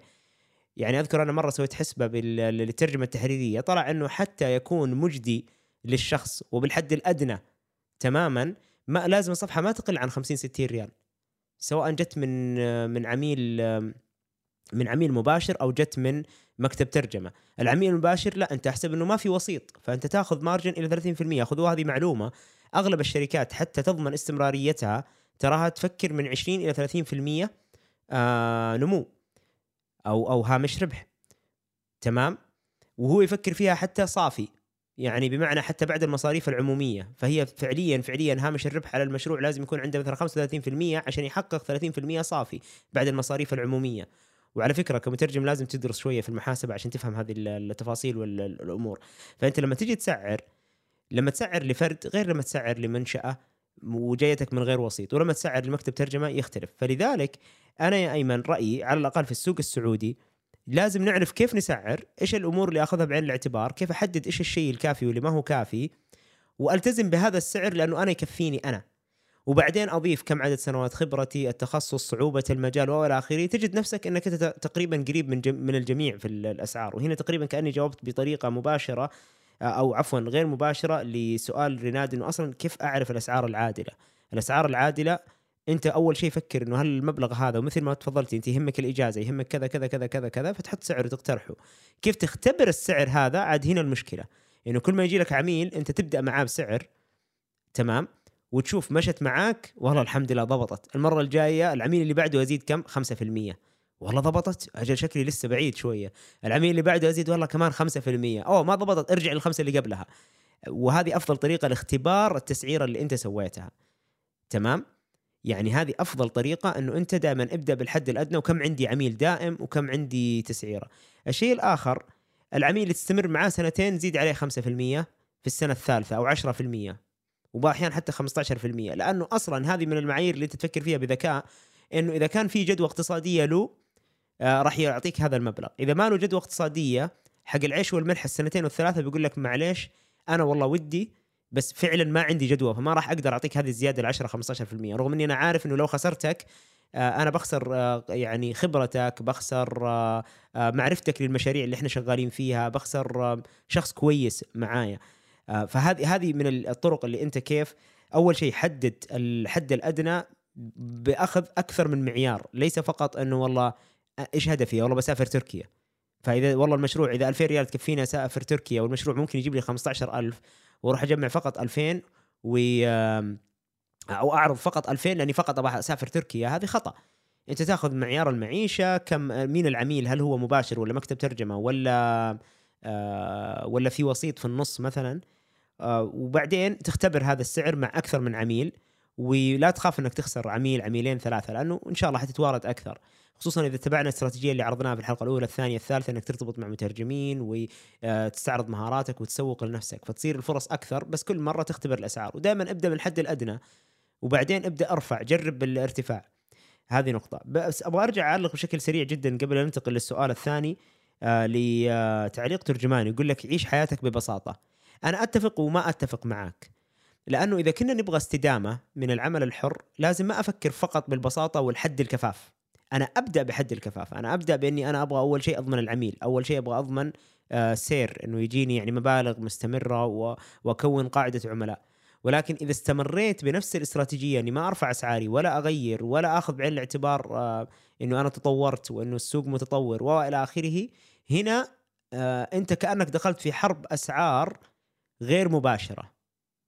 لأنك أنت بتصير محافظ على سعرك في متغيرات كبيرة قاعدة تصير في السوق وأنت أصلا من يوم ما دخلت هو كان الحد الأدنى. وهنا يجبرك إنه أنت إيش؟ تدخل في آه، إنك ما تقدر تستفيد من آه، مستوى المعيشة أو التطور ال- ال- اللي المفروض تواكبه لأنه أنت لازم تواكب أيضا. فهذه هذه نقطة أنا أشوفها مهمة جدا إنه أنت آه، لا تلتزم فقط البساطة. ولكن التزم الذكاء في الصرف. هذا اللي أعتقد يمكن يعني أنت 75% اللي تقصد فيه. بأنه أنت حصلت مبالغ من الترجمة فأنا ما أعاملها على أنها خلاص ثابتة ومتكررة وأنها آه، خلاص مضمونة. أعاملها على أنه والله ممكن يجيني شهر شهرين. ما فيها شغل. أعطيكم مثال يعني واضح جدا ودائما أذكره. في الترجمة الفورية مثلا كم عدد الأشهر في السنة؟ أبغى أخذ إجابات سريعة جدا. آخر واحد بختم فيه أيمن. خلينا نسمع من بشرى كم عدد الأشهر في الترجمة الفورية في السنة الواحدة؟ إذا عندك تارجت سنوي تحسبه على كم شهر؟ أخاف أقول 12 أطلع غلط. أنت قولي أول شيء عشان نقول لك. 12 خطأ. كنت عارفة. ترجمان؟ ربما شهرين أو ثلاثة. آم برضو خطأ قد تس... قد يكون صواب إذا كنت مبتدئ بس أنا أبغى في الحالة المثالية. الحالة المثالية ودك تغير إجابتك؟ حالة مثالية سوق نشط طبيعي. فلنفترض إنه أنت تعرف كل مكاتب الترجمة وكلهم يثقون فيك وأي فرصة راح تكون موجودة راح يتواصلوا معك. فنسبة الإشغار 100% في السنة عفوا نسبة الإشغار في السنة الكاملة أنت بتحصل عليها. كم أصلا نسبة الإشغار في السنة؟ لو لو تكلمت مثلا على السوق هنا أقول مثلا رمضان ما في شغل يعني قول مثلا طيب إذا رفعت يمكن إلى ستة أشهر من ستة إلى سبعة أشهر طيب كيف حسبتها؟ أنت حذفت رمضان. والسنة فيها 12 أشهر، حذفت رمضان وطلع معك ستة أشهر، كيف؟ أعطيني حسبة يعني مرة من الأخيرة. وأنا أقول لك أنت تقول لي إنه الحين حوالي عندك سوق نشط في حوالي 50% من العمل أنا حسب ما انت حسب الكلام اللي سمعته الآن منك أقدر تقديرا ولست ما أقدر إن أقول إجابة نهائية ولكن ما بين ستة إلى ثمانية أشهر طيب آه، التقدير ما يكفي عشان إحنا جين نبغى نبني تسعيرتنا بطريقة مضبوطة جدا بس ممتاز حلو أنت قربت بس آه، بسمع من أيمن كيف بتحسب عدد الأشهر مع فرضية إنه أنت أي فرصة ترجمة موجودة أنت حتاخذها والسوق نشط. كم عدد الأشهر الحد الأقصى في السنة كم؟ آه، من تجربتي خلال السنوات الماضية نحذف أشهر شهر رمضان آه، يحذف بالكامل.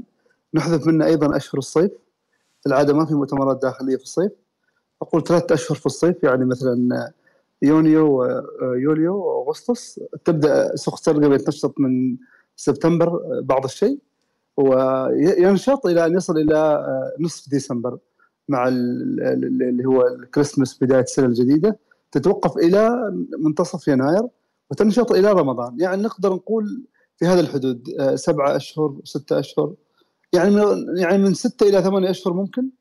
آه، اعتمادا على متى يجي رمضان يعني. لكن في الأغلب في فترة الصيف في رمضان وفي نهاية السنة آه، الشغل يعني ينقص بشكل كبير جدا. ممتاز. وهذه تقريبا نظرة عن السوق العماني. بس إحنا في السعودية خصوصا الآن مع مشاريع الرؤية وكثرة المشاريع. أنا افتراضي إنه ما في إلا ال- الإجازات ال- يعني خلينا نقول الشبه رسمية.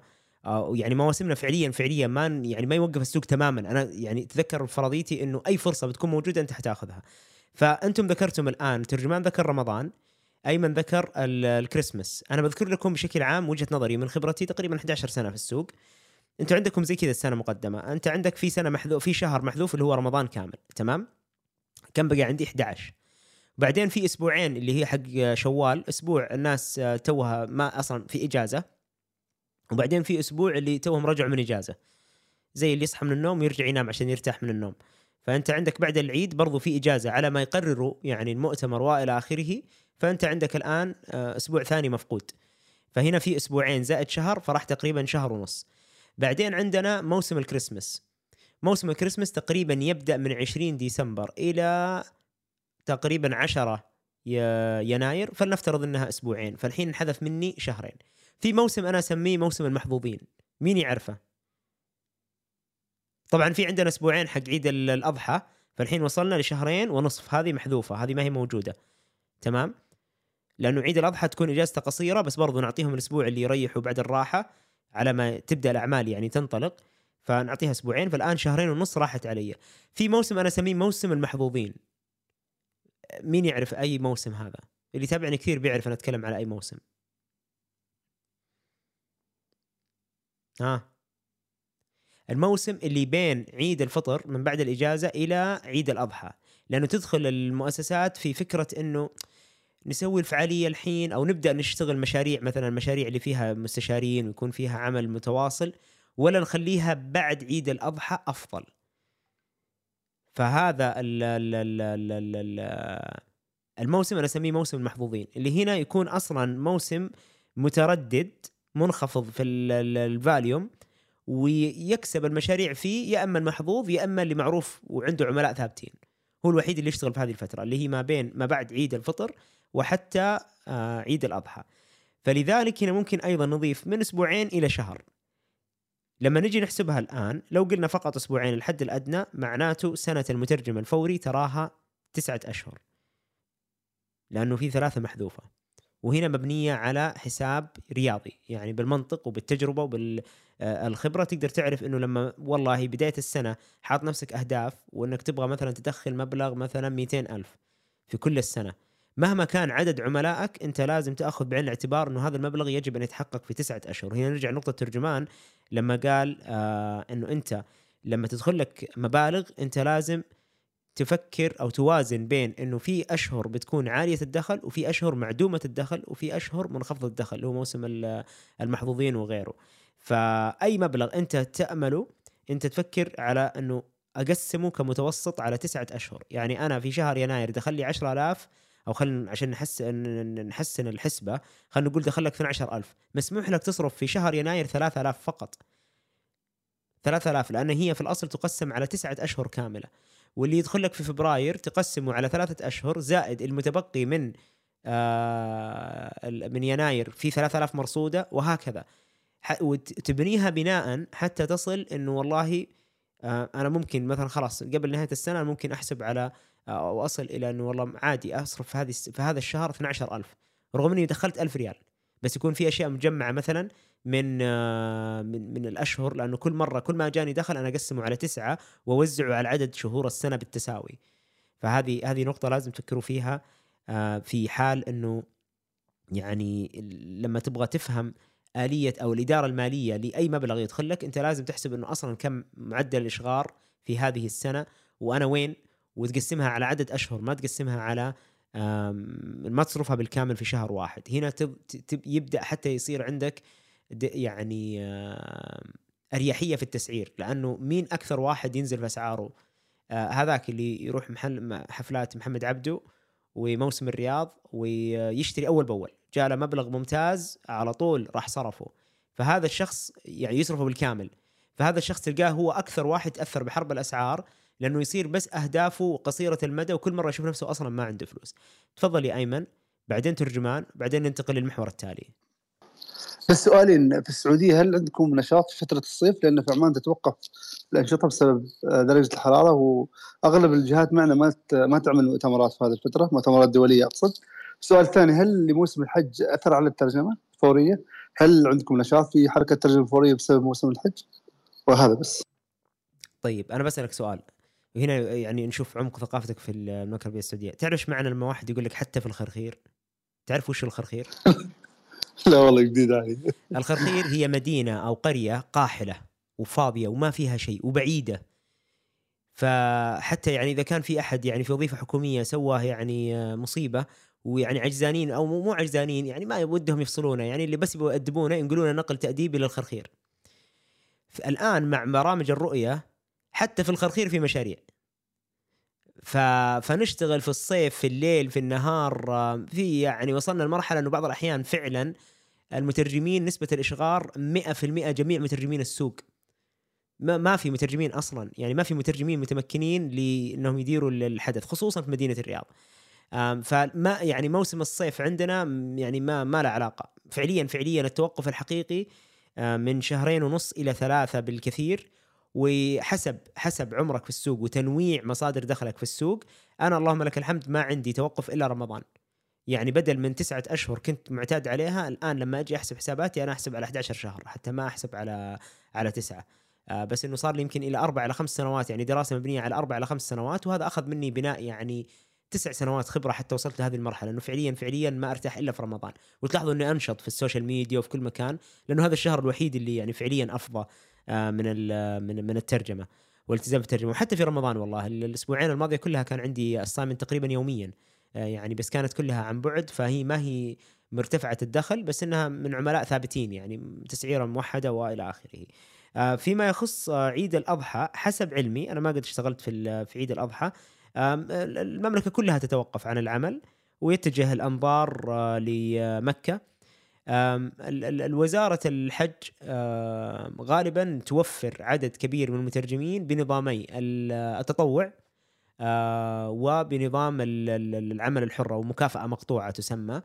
بس إنه ما يأثر كثير في السوق لأنه في كثير مترجمين يقول لك أنا ما أبغى أطلع من الرياض لأنه المبلغ ما يستاهل. فتكون فرصة للأمانة لأصحاب مدينة مكة لأصحاب المدينة أصحاب مدينة جدة اللي هم في المنطقة الغربية يصير لهم فرص ممتازة إلى حد ما لأنه يكون ما عنده مثلا مصاريف السفر ما عنده مصاريف آه، ال- ال- ال- النقل وإلى آخره فما ما هو مثل مثلا مترجم الرياض. آه، فأقدر أقول لك إنه ياثر بشكل عام إنه يعتبر مثله مثل أي إجازة. في الأصل ما في أعمال لأنه ما في مؤتمرات ما في آه، شركات كلها إجازة.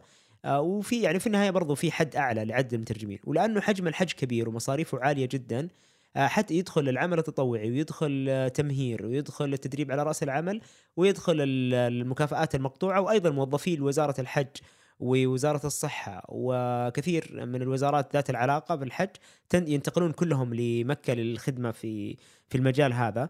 فيعني ما زلت أعتبره من المواسم ال- البطيئة جدا خلينا نقول. يعني برضو أعتبره من موسم المحظوظين والمحظوظ اللي يعني عايش في الغربية أو في مكة في جدة لأنه حتى المبلغ لو كان فقط 7000 ريال مقطوع لمدة آه، بيداوم خمسة أو ستة أيام في الحج تجد أنه بالنسبة له يعني مناسب لأنه ما يحتاج يسوي حاجة هو أصلا من نفس أهل المدينة و ويعني أسهل عليه من اللي يجي مثلا من الرياض. آه وغير إنه فيها طبعا خدمة جليلة فتلقاه إنه يعني آه يعني يضحي مع إنه ترى في ناس تطلع من الرياض يعني لا تفهموني غلط بس أنا أقصد إنه من الناحيه الجدوى الاقتصادية تكون ذات جدوى أعلى لأهل المناطق هذه.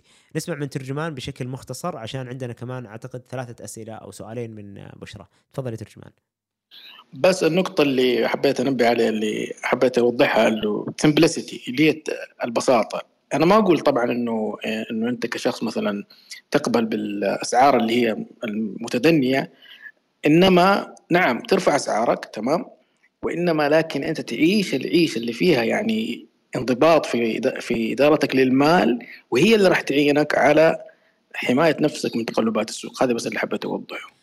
خليني أقول لك حاجة، أول حاجة هذه مساحة فبالعكس خذ راحتك وعبر عن رأيك بالطريقة اللي تحب. فما في يعني هنا ما في يعني حتى لما أختلف معك هنا آه، رأيي بنفس القيمة بنفس قيمة رأيك. يعني ما في أحد أعلى من أحد. فبالعكس أنا أعتقد اللي أنت تقصده مش ال simplicity تقصد ال minimalism أو تقصد إنه المنطقية. وأنا كنت دائما أقول المنطقية حتى قبل ما أدخل سوق الترجمة. فكنت دائما أستغرب مثلا من اللي جته فرصة يعمل في أرامكو مثلا آه، خريج ثانوي وتوظف في أرامكو عمره 18 سنة و19 سنة أخذ تدريب سنة وسنتين. والراتب ما شاء الله عالي جدا.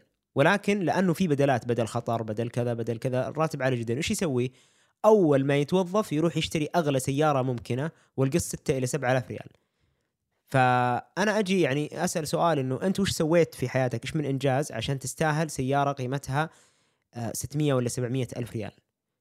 فأنت لازم برضو تاخذ بعين الاعتبار المرحلة العمرية وأصولك والتزاماتك عشان يعني يعني تصير معك سيارة قيمتها 600 700 يعني. اعتبر السيارة مكافأة. خصوصا لما يجيك مثلا أعزب ولا عنده عائلة فعليا فعليا أكبر حجم سيارة منطقي له حجم اللي هو المتوسط مثل الكوريلا. أكثر من كذا هذا تبذير. فهذه نقطة. النقطة الثانية مثلا اللي هو اللي آه، يعني يعني حتى في الوظيفة. يعني أشوف أنا جبت لك مثال من الوظيفة فطبقوا أيضا على الترجمة الحرة إنه أنت لازم تعرف أصلا يعني بالنسبة لعمرك وبالنسبة لعلاقاتك ومداخيلك وأمانك أو المت... ال- البطانة المالية يسمونها آه، قد إيش متينة عشان تدخل على سيارة قيمتها 600 700 ألف وأنت لا تزوجت ولا آه، اشتريت بيت وإلى آخره كل هذه الأساسيات. فحتى لو كانت وظيفة لازم تأخذ هذا بعين الاعتبار. فما بالك إذا كانت عمل حر وأنت مسؤول عن علاج نفسك أنت مسؤول عن إجازاتك أنت مسؤول عن آه، كل شيء. فهذه هذه النقطة. خلونا بعد الفاصل ننتقل للسؤال التالي من بشرى حضري لنا السؤال فضلا وليس امرا. هذا البرنامج برعاية متجر المترجم. متجر المترجم كل ما يحتاجه المترجم وزود. من خلال متجر المترجم تستطيع الحصول على دورات تدريبية أو ورش عمل افتراضية تساعدك على تحسين مهاراتك في الترجمة أو حتى بدء العمل في مجال الترجمة. طيب هل في مجال تتحدد فيه أسعار سوق الترجمة؟ وإذا نعم هل راح تكون خطوة للأمام؟ آه، لو تم توحيد التسعيرة في سوق الترجمة وخاصة السعودي آه، تحت إشراف جهة حكومية مثل هيئة النشر والأدب والترجمة. آه، ولا الأفضل إنه يكون في حرية ويكون السقف مرفوع؟ أنا أنا رأس مالي بكل ما تعنيه الكلمة. آه، قد يبدو خيار تحديد السعر وتوحيده إنه خيار إيجابي ولكن هذا مثله مثل إنه نحن نقول خلاص لازم كل الطلاب ياخذوا اي وفيها أذكر في واحدة يعني سوت فيديو يمكن مدة دقيقتين وتكلمت عن هذا الموضوع إنه لو وحدنا الدرجة سواء عالية ولا منخفضة أنت بتدخل في عالمين في الجميع ما راح يحاول يجتهد لأنه ضامن الدرجة آه، ولا راح يتعلم ولا راح يتطور والمجتهد ما راح. راح يعني يشعر بالأسى ويطلع من هذا المجال أو يطلع من هذا المكان أو يبطل حتى هو أيضا يتطور لأنه خلاص التسعيرة ثابتة. لذلك أنا مع خيار التوعية. بآلية التسعير مع خيار إنه تغلق المشاكل اللي تسبب المشاكل في التسعير مثل التستر وإلى آخره وهذا دور الجهات الرقابية آه، وإنها تضمن إنه مثلا إنه مثل ما في مرسوم ملكي مثلا بالسعودة لازم يطبق مثل ما إنه آه، نعرف إنه الترجمة التحريرية تدار بعض الأحيان أونلاين وإلى آخره يجب إنها آه، إنه آه، يكون في رقابة مثلا من سدايا. آه، من ناحية إنه آه، الترجمة تكون مقيدة على سيرفرات محددة وإنه يعني ومعروف وين مصدرها هل ترجمت من داخل السعودية أو خارجها يصير يعني في هنا هنا الرقابة والغرامات والقضايا هنا يصير التسعير. أنت متى ما حكمت السوق فقط على السعودية بعدين وعيت ال- ال- الجميع بإيش المفروض إنه ياخذوا بعين الاعتبار في التسعير راح يكون السعر عادل للجميع. ثم بعد ذلك لما تترك الحرية يصبح ال- ال- ال- السوق أكثر عدالة لأنه صاحب الخبرة راح يطلب بسعر أعلى ويكون مبرر والمشروع الصعب سوف يطلب عليه مبلغ أو في المناقصة يطلب عليه مبلغ أعلى لأنه مبرر و... وإلى آخره. ولكن إذا وحدت الأسعار يصير بعد في أي دافع لأي شخص إنه يتطور. قد يكون جيد في الأول شكله حلو كذا إنه والله يعني وحدونا الأسعار انبسطنا آه ولكن لا يعني على المدى البعيد أنت تدمر السوق. آه وحرب الأسعار أيضا ما هي مفيدة. وتدمر السوق ولكن آه، طرق مكافحة إنك تكافح حرب الأسعار وتترك السوق حر أفضل بكثير من إنك أنت توحد الأسعار وتدخل في ممارسة اشتراكية مخالفة أصلا لنظام المنافسة في المملكة وحتى للنظم الاقتصادية ال- الحديثة. فهذا رأيي من حب إنه يزيد عليه أبد الله يحييه. آه، أنا ما مع آه، وضع حد أعلى آه، لأن الحد الأعلى يعتمد على أشياء كثيرة جدا آه، منها نوع النص منها سرعة العمل منها نوع العميل نفسه. فمثل ما قلت راح يقتلنا في المستقبل إذا حددنا ان ما أقدر أزيد مثلا عن 100 ريال. وفي الجانب الآخر ممكن نأخذ 200 ريال على الورقة اعتمادا على العمل نفسه. فلذلك أنا مع وجود حد أدنى لكن أنت تقول بالنسبة للمملكة العربية السعودية ما ممكن نضع حد أدنى. فأعتقد هذا راح يسبب إشكالية إنه ما في حد أدنى. لأن مثل ما خبرتك مكاتب المتسترة المكاتب اللي تريد الحد الأدنى ممكن العمل تخرجه خارج البلد وتجيبه بدولار أو دولارين وتعطيك ترجمة ب 40 ريال سعودي أو 30 ريال سعودي.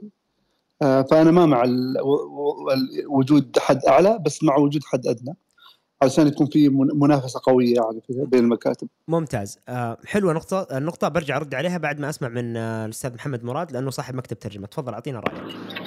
إيه السلام عليكم طيب أنا خليني أتكلم من من من وجهة نظر الزبون طيب الزبون لما يجي طيب أنا ليش المكتب هذا بياخذ مني 50 وليش هذا ياخذ مني 100 ريال؟ ليش ال- ال- ال- اللي هو عملية الت- الت- التباين في الأسعار؟ هل إنه إذا كان غالي أفضل؟ طيب هل إنه إذا أرخص يعني أدنى ولا يمكن إنه اللي بياخذ مني 100 ريال يعني سعره مبالغ ومكتب يعني سعره يعني عالي شوية عن السوق، إيش. إيش يضمني إنه يقدم لي ترجمة كويسة؟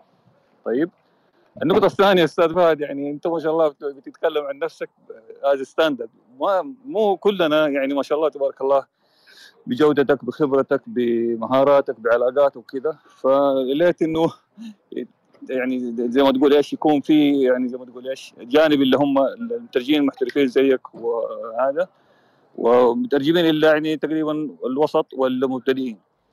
فلما نتكلم عن مثلا أنت مثلا بتاخذ سعر عالي ال- المكتب الثاني بياخذ سعر أقل. طيب إيش ال criteria؟ إيش المعايير؟ إيش الحاجات هذه؟ الزبون في كل الأحوال بيجي يترجم عندك. ما بيجي as luxury ولا as يعني حاجة استهلاكية. هو عند الحاجة. مجرد إنه يغلق منك خلاص انتهى. ما ما حيرجع لك إلا إذا كان مثلا أحتاج الترجمة هذه أو إنه هي recommend إنه يوصي آه، زميله أو صديقه أو قريبه يقول له روح لمكتب محمد وترجم عنده. فإحنا ال- ال- المشكلة حقتنا إنه أول حاجة إنه إحنا يعني تجارة استهلاكية عند الحاجة. ثاني حاجة إنه والله أنا مثلا مسوي standard عندي أي document 50 ريال. طيب مثلا تقرير طبي إذا كان إذا كان كبير شوية 100 ريال. إذا كان تقرير شوية يعني هذا 50 ريال. وفي بعضهم يقول لك ساعدني أنا عندي محتاج وكذا فأقول له إذا ما عندك فلوس أنا بعمل لك إياه مجانا. okay؟ فتيجي هنا انت لازم ت... لازم تكون في موقف الزبون ولازم تكون موقف اللي هو صاحب المكتب أو إنه صا... وال... وال... أو المترجم طيب أنا أنا في نظري الزبون إيش دراه أو إيش عرفه؟ إنه المكتب هذا كويس خاصه خاصه خاصه ال- الوثائق مش الوثائق الوثائق ال template هذه بسيطة يعني أي واحد يسويها. لكن لما تيجي ابحاث لدراسات لتقارير طبية لحاجات يعني تحتاج دقة وتحتاج مراجعة. هذه اللي تبين إنه والله جودة الترجمة والمترجم والمكتب الترجمة. لكن التمبليت هذه ممكن أي واحد يسويها. يعني حتى لو ما عنده خبرات في الترجمة مجرد إنه يعبي اللي هو النماذج. هذا وجهه هذه وجهة نظري. وجهة. نظر جدا معتبرة بس ودي أعلق على نقطتين لأنه دائما يقال عني إنه أنا أسعاري عالية وإلى آخره بس أنا واحد واحد التنويه الأول. أنا ما عندي مكتب آه، ترجمة ابدا. أنا بالعكس أنا قائم بفضل الله عز وجل ثم على جميع مكاتب الترجمه تفضل التعامل معي آه، في مشاريع الترجمة الفورية. فأنا يعني آه، آه، كيف أقولها؟ يعني أنا عامل حر بكل ما تعنيه الكلمة. ولكن في حتى مكاتب ترجمة تحب أنها تمسكني المشروع بشكل كامل كمدير مشاريع محترف إنه والله عندنا الميزانية الفلانية أنت أعطيني أفضل أداء ممكن في الثلاثة إلى أربع الأيام التالية في المؤتمر الفلاني. فهذه هذه نقطة. فيعاملوني وكأني subcontractor يعني كأني مت- متعاقد بالباطن وكأني مكتب ترجمة ولكن أنا فعليا لا أملك مكتب ترجمة ولا أسعاري عالية. أنا آخذ مثل ما قلت لكم أنا ممكن في مشاريع آخذ من 1500 ريال اللي هو تقريبا في الترجمة الفورية عندنا في السعودية هذا ال standard خصوصا اللي عنده خبرة يعني سنتين وفوق هذا ال standard هذا مبلغ معروف. يفترض إنك ما تتوقع أقل منه إذا كان أنت عندك خبرة وكان عندك جودة عالية. آه ويبدأ من 1000 ريال بعض الأحيان لحديثي التخرج. ولكن دائما أوصيهم إنه لا تطولوا على هذا السعر. زود لما توصل 1500 لأنه هذا السعر ستاندرد أصلا في السوق. ف فأنا يعني أسعاري ترى تبدأ من يعني مثل السوق. أنا آخذ في المشاريع الاعتيادية خصوصا لما تجيني مكتب ترجمة ما فيها مفاوضات أصلا. يعني في بعض الزملاء من مكاتب الترجمة يتصل علي يقول لي أنت متاح اليوم الفلاني؟ أقول له إيه خلاص انتهى النقاش. يعني ما ما ما ما نتكلم أصلا في السعر لأنه المبلغ أصلا ستاندرد لكل المترجمين في الترجمة الفورية تقريبا آه، في السوق. آه، فهذه نقطة. وأعطيكم مثال حصلت معي وهذه حلو يا آه، أستاذ مراد جبتني له ويمكن حتى قبل قلت لكم أنه عندي تجربة في موضوع الأسعار. جامعة الملك سعود تواصلوا آه، وكانوا مستعجلين شوي ولكن قالوا لي إنه ترى شوف إحنا يعني مقيدين لأنه كانت ما زالت وقتها قبل الخصخصة. آه، مقيدين إنه عندنا خلاص تسعيرات ثابتة من 10 إلى 20 سنة. أي عملية استشارية مؤقتة الساعة مثلا ب 400 ريال. والمؤتمر مدته تقريبا ساعة ونص. فما راح نقدر نعطيك أكثر من 800 ريال. ما يعني صدق ما نقدر. فإيش راح تسوي؟ قلت لهم أبد أنتم جامعه الملك سعود. يعني أنا بفضل الله آه، يعني ثم وجودي في جامعه الملك سعود والبكالوريوس اللي قضيته هناك أنا ما ما كان لو يعني ما كان ممكن أكون اليوم. ف 800 على عيني وراسي. فهنا برضو نرجع ندخل للجانب الأول في عوامل التسعير إنه مين العميل هل تبغى تكسبه وأيضا بعض الأحيان رد الدين أو رد الجميل فهذه إنه تبرر لك النزول في السعر ولكن لا تخلي إنه يعني الترند تبعك في الأسعار دائما تنازلي تنازلي تنازلي فقط لأنك أنت تحاول فقط إنك تسرفايف آه، خصوصا لما تكون خبرة وقاعدة عملاء أنت لازم المفروض إنك أنت تبدأ تفكر في إيش؟ تبدأ تفكر في إنه طيب أنا قيمتي قاعد ترتفع، أنا مثلا عندي عشرة عملاء ثابتين ومستمرين ما في مشكلة إني أخسر عميل واحد إضافي. لو جاني واحد جديد عادي أخسره وأجرب السعر الجديد، تذكروا لما قلنا الواحد لازم يجرب الأسعار اللي يفترضها. آه ننتقل للسؤال الأخير مع بشرى. تفضلي يا بشرى.